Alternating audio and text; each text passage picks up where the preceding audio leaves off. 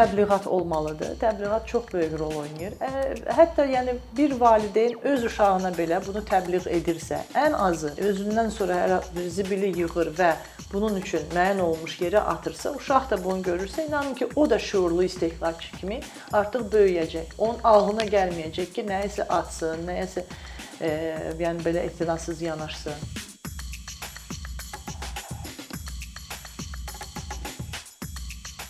Ümumiyyətlə e, istehlakçı insanlar olaraq, yəni geyim alan, geyimdən istifadə edən, davamlı həyatının bir çox sahəsində ümumiyyətlə bunsuz yaşaya bilməyən insanlar olaraq biz e, sanki bəzi zamanlar e, bunun nə qədər çox təsiri olduğunu anlaya bilmirik ətraf mühitə. Bizim geyimlərimiz ətraf mühitə necə təsir eləyir?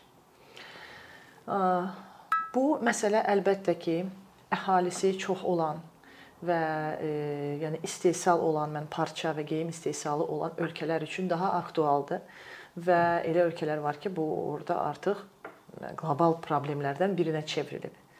Çünki hər il yəni sırf geyimin, parçanın o tullantı sayı tonlarladır və bu ətraf mühitə necə təsir göstərir soruşurlar. E, yəni əksər hallarda yəni o bütün bunlar e, bilirsiniz ki, e, yəni havanın bilmirəm iqlimin, yağışın və s. bunun təsirinə məruz qalır, çürüyür, axır, gedir, torpağa yəni nüfuz edir bütün o parçanın tərkibi, rənglər və s. bu belə bir prosesdir. Mən indi bunu çox səthi izah edirəm və bunun əlbəttə ki, ətraf mühitə, torpağa, içməli suya belə təsiri var.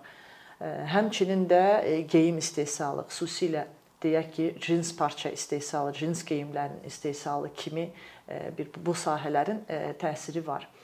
Amma ola bilər ki, məsələn, sırf bizim ölkəni götürsək, biz bu haqqda o qədər düşünmürük, çünki bizdə istehsal da çox deyil. Əlbəttə ki, var, amma yəni o qədər də çox deyil və e, biz bu məsələnin qloballığını o qədər də hiss etmirik. Amma əslinə qalsa, əlbəttə ki, var və e, ümumiyyətlə bu gün bu məsələnin fəsadlarını düşünən brendlərin sayı get-gedə artmaqdadır. Bax bu sevindirici haldır. Biz fəsad deyəndə, bunun Hı -hı. yəni neqativ tərəflərindən danışanda, gəlin biraz bu mövzunu açaq ki, hansı Bəli. neqativ tərəflərdən danışa bilərik? Fast fashion kimi, e, yəni adlandırırlar bunu. Çox vaxt ingilis Hı. sözləri olan, çox yəni deyək ki, sürətli istehsal. Geyim o qədər elə çoxlu sayda istehsal olunur ki, insanlara bəlkə də bu qədər geyim bu qədər sayda geyim lazım deyil. Və e, bəlkə siz də əgər e, bir düşünsəz, müşahidə etsəz, siz qarderobunuzda olan hansı geyimlərdən istifadə edirsiniz? Mən əminəm ki, elə geyimlər var ki, hələ də bəlkə də onları geyinməmisiniz. Hı -hı. Və e, düşünürəm ki, bir çox insanlarda belədir. Yəni geyimin istehsalı həddən artıq çoxdur. Satılmayan kolleksiyalar olur. Mən əlbəttə ki, kütləvi istehsalla məşğul olan ilk növbədə brendləri nəzərdə tuturam. Satılmayan kolleksiyalar olur və yaxud da ki, e, satılır bir neçə yuyulmadan və hətta bir yuyulmadan sonra yararsız vəziyyətə düşən geyimlər olur. Bunlar hamısı dediyim fast fashion və yaxud sürətli e, istehsal deyək. Bunların həsadları deyəm, yəni çox istehsal olunsun, amma keyfiyyət burada bir o qədər də önəmli deyil. Nə parçasının keyfiyyəti, nə də ki tikilişinin E, keyfiyyəti və əlbəttə ki, bu nəyə gətirib çıxarır? Geyim ucuzdur, amma onu alırlar. 1-2 yumadan sonra artıq yarısı vəziyyətə düşür, yenisini almağa məcbur olurlar və beləcə e, geyimin e, yəni il ərzində toplanılır, tullanılır və dediyim kimi məsələn bu nəticədə tonlarla tullantıya gətirib çıxarır. Hələ indi təsəvvür edin ki, axı bunun istehsalı zamanı artıq yəni qalan parça qalıqları da var, onlar da toplanılır Yəni bu deməli başda kifayət qədər, e, yəni ətraf mühitə zərər verəcək qədər bir tullantı e, edir. Yəni əsas bunun e, əvvəlcə də e, qeyd etdiyim yəni fəsadlar, torpağın və suyun çirklənməsi ilk növbədə, yəni biz belə bir e, fəsadları nəzərdə tuturuq. Yəni bu kimi e, təsirləri var. Və e, ona görə də dediyim kimi e, burada artıq istehlakçıların öhdəsinə də bir yəni iş düşür ki, əgər bir istehlakçı düşünürsə və daha keyfiyyətli, düzdür, əlbəttə ki, qiyməti biraz yüksək olacaq, amma daha e, keyfiyyətli geyimə üstünlük verirsə, bu o deməkdir ki, onu bir neçə il istifadə edə biləcək və e, beləcə qoy qarderobunda deyək ki, az sayda geyim olsun, amma keyfiyyətli olsun və onu uzun müddət istifadə edə bilsin. Yəni bununla bu çox e, yəni geniş yayılmış üsullardan e, biridir ki, bununla da o e, yəni davamlı geyim almaq, özdəki ucuz və deyək ki, keyfiyyətsiz geyimləri almaq, bir-iki dəfə geyinib atmaq və bunların qarşısını hardasa almaq olar. Hı -hı. Amma bunun üçün gərək istehlakçı düşünsün Hı -hı. və bilsin ki, mən qoyub biraz artıq pul verim, amma e, keyfiyyətli bir şey əldə edim. Bu dedikləriniz əslində şuurlu istehlakçı sözünə o terminin art, altında bizim deyə biləcəyimiz bir çox şeyə əslində Əlbət. toxunmuş olur. Əlbət. Bəs ümumiyyətlə şuurlu istehlakçı bizim izləyənlərimiz arasında əgər bu mövzu haqqında daha məlumatlı olmaq istəyən insanlar varsa, daha nələrə fikir verə bilər? Parça birbaşa bədənimizlə təmasda olan bir şeydir. Və biz parçanın içində demək olar ki, yəni bütün günü, hətta 24 saatı keçiririk. Və əlbəttə ki, bu parça onun tərkibinə diqqət yetirmək lazımdır parçaların tərkibi ilə bağlı bütün məlumat, yəni etiketin üzərində qeyd olunur. Mən fikir vermişəm, insanlar var ki, onu oxumurlar və hətta təəccüblənirlər. Məsələn, geyimin içində etiketi axtarıb üzərini oxuyanda, hətta satıcılar belə təəccüblənirlər ki, yəni nəyinizə lazımdır ki, onun qiymətini bildiniz, belə yəni bəyəndiniz, sizə yaraşır və salam. Amma bu məsələnin yəni əsas tərəflərindən biri. Əlbəttə ki, parçanın tərkibidir. Bu gün e, yəni kimya e, sahəsi də, texnologiya və sair çox e, yəni inkişaf etdikcə demək olar ki, durmadan yeni e, parçalar təklif olunur, artıq innovativ metodlarla hazırlanan parçalar, amma yenə də e, yəni təbii tərkibli parçalar və yaxud qismən təbii tərkibli olan parçalara e, üstünlük vermək üstünlük vermək lazımdır. Yəni bununla maraqlanmaq lazımdır ki, görüm mən ümumiyyətlə öz bədənimə nəyi geyinirəm. Bu məsələnin bir tərəfi. İkinci məsələ tikiliş. Tikilişdən ümumiyyətlə tikiliş geyimin keyfiyyəti haqqında bizə yəni dərhal məlumat verir. Xüsusilə də bu sahə ilə məşğul olan insan üçün yəni tikiliş hətta deyək ki, geyimin iç tərəfdən görünüşü içi necə işlənilib, bəlkə astarı varsa o necə işlənilib. Onlar belə bir çox məlumat verirlər. Mən sırf geyimin, yəni e, keyfiyyətini nəzərdə tuturam. Yəni bunlara da diqqət yetirmək vacibdir. Çünki bədən bizim bədənimizdir. Yəni ona hörmətlə yanaşmaq həm də onun üçün uyğun olanı, rahat olanı seçmək deməkdir. Və əgər imkan varsa, yəni mən deməzdim ki, keyfiyyətli geyim elə həmişə çox elə bahalı bir şeydir. Yox. Amma imkan varsa, yəni həm parçanın tərkibinə diqqət yetirmək, həm tikilişinə və ondan sonra əlbəttə ki, biçim məsələsi də rol oynayır. Yəni biçimə də diqqət yetirmək lazımdır ki, bu rahat olsun, hərəkətləri məhdudlaşdırmasın və düzdür, yəni insan məşğul olduğu işə uyğun olaraq əsasən, yəni geyimləri seçir.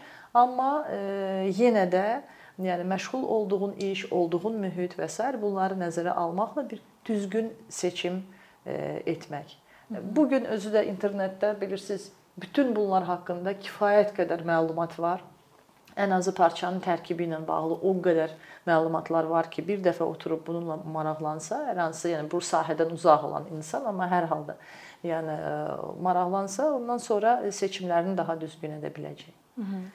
Əvvəllər ikinci əl e, mağazalarını almaq Hı -hı. bir maddi problem idi və Bəli. maddi problemin nəticəsi idi də belə deyək. İnsanlar Bəli. buna yəni normal mağazalardan ala normal dediyimiz, yəni brend mağazalardan ala bilmədikləri üçün Bəli. ikinci əl mağazalara gedirdilər. Bəs bu gün biz görürük ki, gənclər arasında bu çox məşhurdur, çünki bu artıq bir trenddir. İkinci əl mağazalardan almaq ə, ətraf mühitə necə təsir eləyir? Hı -hı. Ə, Elədir ki, var. Yəni bu deyək təkrar istehsal və ya yenə də ingilis sözü upcycling deyə adlandırırlar. Bu, yəni bir mövcud olan məhsulun ə, e, hər hansısa bir əşyanın ə, e, təkrarən istifadə olunub ondan başqa bir əşyanın hazırlanması anlamına gəlir. Yəni bir geyim deyək ki, geyinilib, sıradan çıxıb, mən onu götürürəm, təzədən yəni kəsirəm və ondan başqa bir şey hazırlayıram. Upcycling budur. Bunun ə, səbəbləri dəyişib. Deyək ki, 2-ci Dünya müharibəsindən sonra xüsusilə geniş yayılmışdı, amma burada yəni başa düşürük ki, yəni qıtlıq idi deyə Yəni əsas səbəb bu idi. Və yaxud da bu gün siz dediyiniz kimi də e, elə insanlar var ki, sırf vintaj və yaxud da daha məsələn yaşı olan e, xüsusilə də 80-70-ci illərə aid olan hər hansı bir belə sırf o dövrün biçimini və o dövrə aid olan indi geyimlərdən danışırıq və aksesuarları axtarırlar. Yəni burada əsas niyyət budur.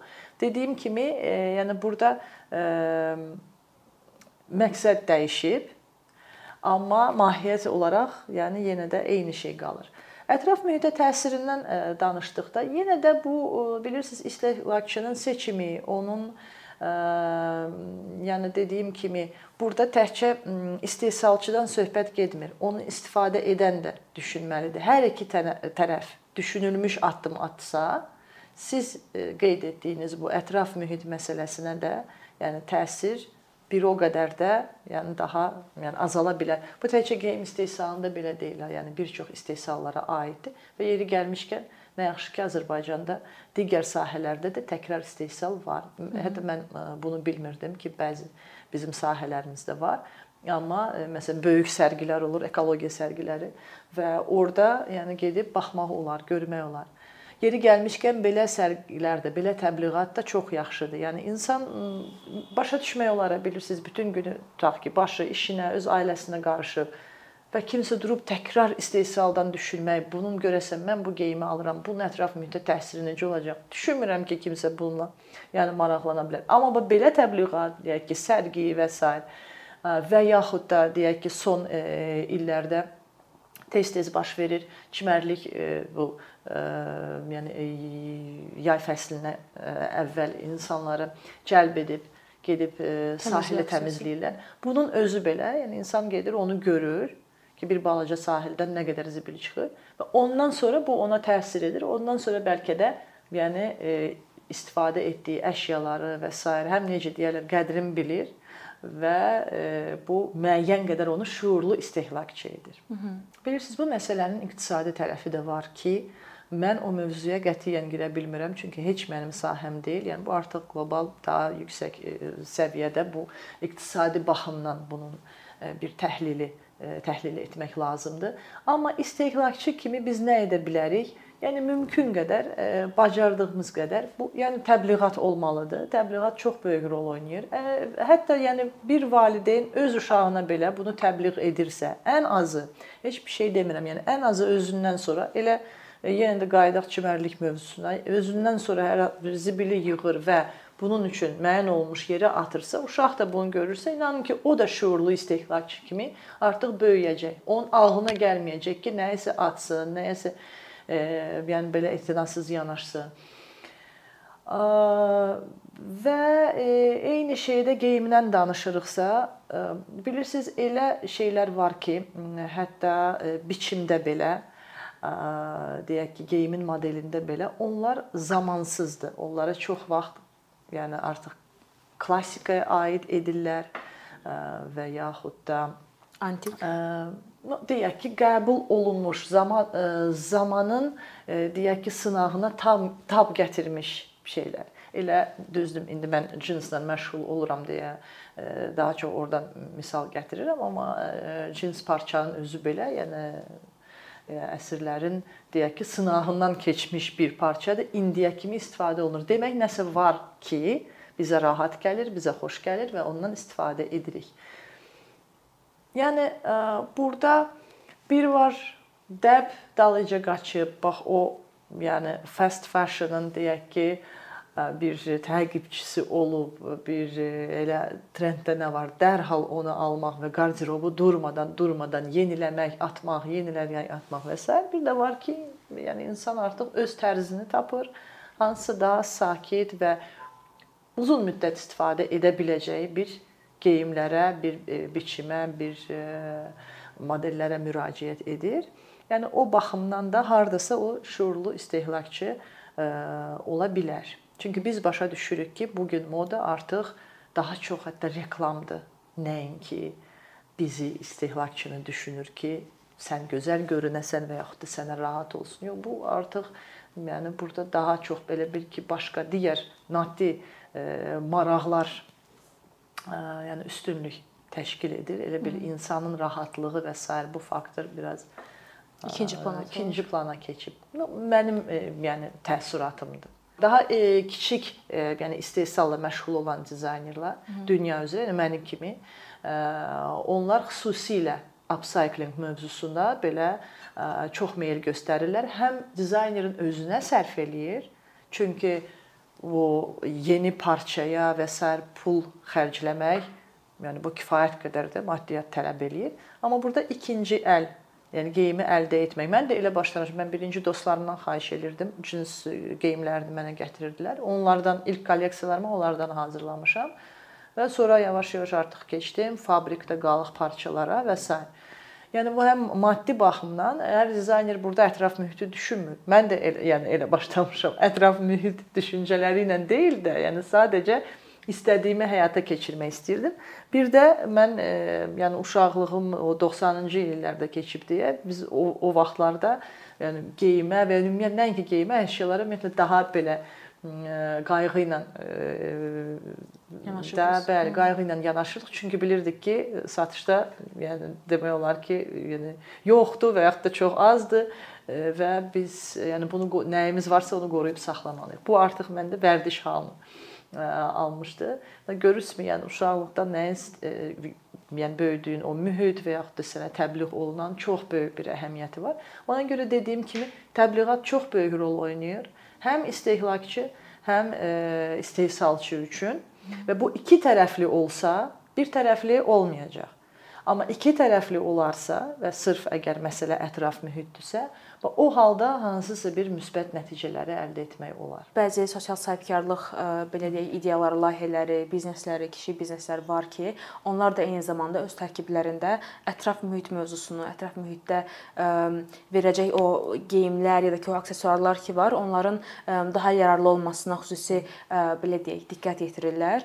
Bununla bağlı hansısa bir nümunələr, hansısa bir tutaq ki, öz təcrübələriniz təcrübələrinizdən danışa bilsəz biz çox sevinərik. Əlbəttə, bizim məsələn elə yerli ə, xalq deyək, sənətinə aid olan nümunələr var ki, onlar bu gün dəstəklənir və ə, böyük sərgilərdə də nümayiş olunur. Məsələn, ekologiya sərgilərinin birində bizim xüsusilə də bu Lənkəran zonasında hazırlanan, yəni təbii materiallardan hazırlanan bu zəmbilləri toxuyan xanımlar ordaydılar. Elə tamaşaçıların qarşısında bu zəmbilləri hazırlayırdılar və sırf onların həm də e, yəni təbii e, bitkilərdən hazırlanması, o üsul, bunların sırf deyək ki, e, zonaya və bizim artıq deyək ki, mədəniyyətimizin də maddi deyək mədəniyyətimizin bir hissəsinin olması bu ziyarətçilərə, ora sərgiyə gələnlərə çox belə xoş təəssürat bağışlayırdı ki, sırf artıq bu deyək ki, zəmbil sadədir və çox belə aşağı qiymətə, ucuz qiymətə satılır. Amma biz sırf bu bu kontekstdən yanaşsaq, təkrar istehsal, onun təbii tərkibli olması bu onun dəyərini xeyli artırır. Və artıq mən fikir verdim ki, ona münasibət də, yəni dəyişir. Görürsünüzmü burada, yəni kontekstdən və təqdimatdan çox şey asılıdır. Hı -hı. Yəni belə eləcə də bizim deyək ki, elə ən sadə nümunələrdən birini çəkəcəm. Qurama texnikasında hazırlanmış geyimlərimiz var, araqçınlar var. Bunlar hamısı vaxtı ilə, yəni parça çətin əldə olunurdu deyə və geyimlər bilirsiniz ki, nəsildən nəsilə də ötürülürdü. Məhz həm də bu səbəbdən, yəni bundan qaynaqlanan bir texnikalardır. Amma bu gün artıq yanaşma dəyişib və qurama, yəni bir sənət növü olaraq artıq təqdim olunur, sərgilərə çıxarılır. Bu həm bunun təkrar istehsala aidiyyəti var, həm də yəni bir dekorativ tətbiqi sənət nümunəsidir. Yəni ki, bu baxımdan bunun özü də bir təbliğatdır və bunun özü də e, istehlakçıların münasibətini dəyişir həmin əşyalara, dəyərini artırır. Çox gözəl bir məqama toxundunuz. Elə istifadəçilərin reaksiyası da bizə bu mövzuda maraqlıdır ki, insan istifadəçinin reaksiyasını nə dəyişdirə bilər və yaxud da ə, bu yenidən emal məsələsi ki var, Hı -hı. onlarda, istehlakçılarda, istifadəçilərdə necə bir ə, reaksiya doğurur, necə bir yanaşma doğurur? Mən fərqli reaksiyalar görmüşəm və kimsə məsələn İndi mənim də geyimlərim demək olar ki, hazırladığım geyim nümunələri əsasən upcycling nümunəsidir və kimsə yaxınlaşıb deyirdi ki, o e, məsələn maraqlıdır. Bu vaxtı ilə istifadə olunmuş parçadır. Siz bundan yeni bir şey hazırlamısınız. Buna görə diqqətini cəlb edir. Kimsə ümumiyyətlə nədən hazırlandığı heç maraqlandırmır. Sadəcə model xoşuna gəlir, geyinir, bəyənir, alır gedir. Vəsi var ki, əksinə məsələn biləndə ki, bu hansısa təkrar, yəni istehsaldır, hansısa bir geyimdən hazırlanıb, deyir ki, bunu məndən əvvəl kimsə geyinib və o yəni dərinliyə getmir. E, düşünmür ki, əslində qalsa bu nədir, necə emal olunur, necə hazırlanır və s. Yəni burada reaksiyalar fərqlidir və dediyim kimi burada düzgün təqdimatdan çox şey asılıdır. Təbliğat çox əhəmilidir. Bəs e, indi belə deyək, daha ekoloji problemlərin biz Bəli. reallığını və ciddiliyinin daha da fərqinə vardıqdan sonra bu qlobal bir dəyişiklikdir əlbəttə. Biz bunlara qarşı daha həssas olmağa başlayırıq. Bəs bununla bağlı daha şüurlu olan istehlakçılar buna necə yanaşırlar? Kimin üçünsə bu bu da yeni trenddir, dəbdir Hı. ki, mənim geyimim baxın bu recycled olunmuş parçadan hazırlanıb. Yəni təkrar emal olunmuş parçadan hazırlanıb və mən bu geyimə üstünlük verirəmsə, deməli mənim də bir ətraf mühitə bir qatqım var kimsə yəni bunu şuursuz edir, sadəcə trenddir deyə və yaxud dəb e, xətrinə edir. Kimsə e, yəni dükana gedib sırf bununla maraqlanır və görəndə ki, məsələn alacağı deyək ki, hər hansı bir tişört e, çox bir çox hallarda, yəni sırf Hı. pambıq geyimlərdə bunu görürük. Üzərində recycled işarəsi varsa, və yaxud həmin söz yazılıbsa və yaxud organic cotton yazılırsa, yəni organic cotton artıq o deməkdir ki, ən azı bu pambığın yetişdirilməsi zamanı bir kimyəvi maddələrdən, gübrələrdən də istifadə olunmayıb və s. Bunu görəndə artıq həmin məhsula üstünlük verir. Çünki həqiqətən də bunun nə olduğunu başa düşür və həm də bununla da öz seçimini daha, yəni deyək, ətraf mühitə az zərər vurmuş bir geyimə doğru edir. Hı -hı. Və yenə də brendlərin təqdimatından da asılıdır bunlar. Yəni bu gün lüks brendlər belə bu upcycling mövzusuna müraciət edirlər və buna elə bir dəbə salırlar. Yəni e, bu da mən düşünürəm ki, e, bir yaxşı nəticə verə biləcək bir yanaşmadır. Hı -hı. Çünki sən sizcə... bir brendə inanırsansa, Hı -hı. Da, yəni o, o sənə nə təqdim edirsə, nə göstərirsə, sən onu şək şübhəsiz qəbul edirsənsə, deməli o sənə asanlıqla bax bu məsələni də yeridə bilər. Hı -hı. Bəs biz bəzi kritiklərə, kritiklərin yazılarına baxanda, Hı -hı. bəziləri üçün upcycling, yavaş istehlak, Hı -hı. şuurlu istehlak, bu kimi mövzuların bir çox daha yavaş istehsal, bu kimi mövzulara bir mif kimi baxırlar ki, dəv Hı -hı. dünyası artıq belə deyək, bu iqtisadi səbəblərdən və Bəli. bunun biznes olması, bunun reklam Bəli. olması səbəbi ilə artıq istehlakçıların ya da ki dünyanın həssas mövzulara toxunmasından əlavə bu orada bir gözlənilən bir nəticə o gəlir Bəli. ki, var, ona hesablanıb. Bəs biz gələcəkdə daha bayaq da əslində bu mövzuya toxunmuşduq. Yaşıl dəyərlərə daha yönələn, onları daha da dəyərləndirən bir sənaye üçün gələcəkdə nə kimi addımlar atılmalıdır sizcə bir dizayner kimi? Hı -hı. Məncə bu elə məcburən olacaq. Hı -hı. Çünki e, yəni ətraf mühit də öz reaksiyasını verir artıq və verəcək. Və istehsalda artıq məcburən hətta bu bütün bunlar nəzərə alınacaq. O lazımi dəyişikliklər ediləcək. Çünki başqa yolu olmayacaq. Bir planet var. Ondan başqası hələ ki e, mənim bildiyim qədər belə şəraiti olan yoxdur və yəni məcbur yəni istehsalçı da məcbur olacaq ki, yəni mümkün qədər bütün bunları nəzərə alsın. Əgər bu gün bütün bunlar kimin üçünsə dəb xətri nədirsə, kimsə özünü bilmirəm belə fərqli göstərmək istəyirsə və s. bu buna görə edilirsə gələcəkdə mən belə gördüyüm qədər məcburən olacaq. Ən azı məsələn bizdə artıq yavaş-yavaş başladılar bu plastik ə, torbaları İstifadəsinə. əvəz etməyə. Düzdür, tam olaraq, yəni bunu əvəz etmək mümkün olmadı, çünki insanlar alışıblar, öyrəşiblər. Bu vərdişdir, bu rahatdır, bu rahatlıqdır. Yəni hər kəs özü ilə o parça torbanı daşımır gün ərzində. Unudur, bilmirəm ya götürmək imkanı olmur, çantasına yerləşmir və s. Və adi məsələn marketə gedib e, oradakı plastik torbalardan istifadəni mən nəzərdə tuturam. Amma yenə də tədricən, yavaş-yavaş belə e, ətraf mühitə mümkün qədər müsbət təsir edəcək hansısa vərdişləri yəni əldə etmək mümkündür. Amma tədricən, birdən-birə mən belə başa düşürəm ki, bu olmayacaq, mümkün deyil. Çox sağ olun bu gün bizim qonağımız olduğunuz üçün olun. xanım. Təşəkkür edirəm.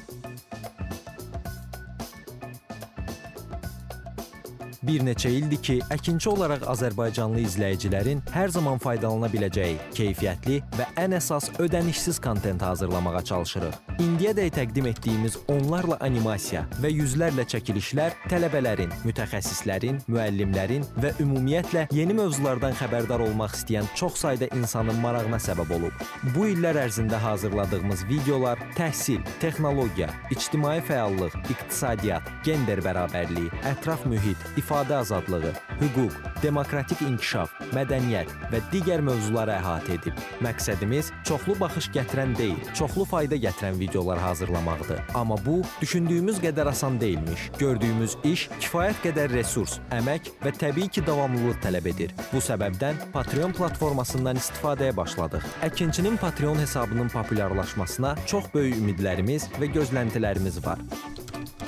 Bəziləriniz Patreon haqqında ilk dəfə eşidirsiniz. Əslində çox sadə izahı olan bir platformadır. Təsəvvür edin ki, siz rəssam və ya musiqiçisiniz. Sosial şəbəkələrdə sizi izləyən, işinizi bəyənən çox sayda insan var. Patreon platforması sizə imkan verir ki, izləyicilərinizin könüllü aylıq ödənişləri sayəsində işinizi davam etdirəsiz. Sərgi, konsert zallarından asılı qalmayasınız. Amma bu təkcə rəssam və musiqiçilərə aid deyil. Məsələn, əkinçiyə bənzər fəaliyyətlə məşğul olan bəzi layihələrin 10 minlərlə patronu var. Biz də düşündük ki, nə üçün əkinçinin Patreon hesabı olmasın? Sizin dəstəyiniz sayəsində biz daha çox və daha keyfiyyətli kontent yaratmağa davam edə biləcəyik. Amma bu dəstək yalnız maddi dəstək deyil. Dəstəkçilərimizin sayının artması gördüyümüz işlərin faydalı olduğuna dair əminlik verir. Patreon platformasından istifadə çox sadədir. Hesabınızı açırsınız, sizə uyğun dəstək növünü seçirsiniz və Patreon özü hər ayın ilk günü kartınızdan seçdiyiniz dəstək növünə uyğun ödəniş tutur. Bu qədər. Sonda onu demək istəyirik ki, dəstəkçilərin sırasına qoşulmaq istəyən, amma məhdud imkana görə bunu edə bilməyənlər narahat olmasın. Daha öncə dediyimiz kimi, bizim əsas məqsədimiz daha çox insanın hər zaman faydalana biləcəyi keyfiyyətli və ödənişsiz kontentin yaradılmasıdır. Bunun üçün mütləq patronumuz olmalısınız deyə məcburiyyət yoxdur. Amma imkanınız patron olmağa çatırsa və bizim işimizi bəyənirsinizsə, patronlarımızın sırasına qoşulmağınız bizim üçün çox önəmlidir.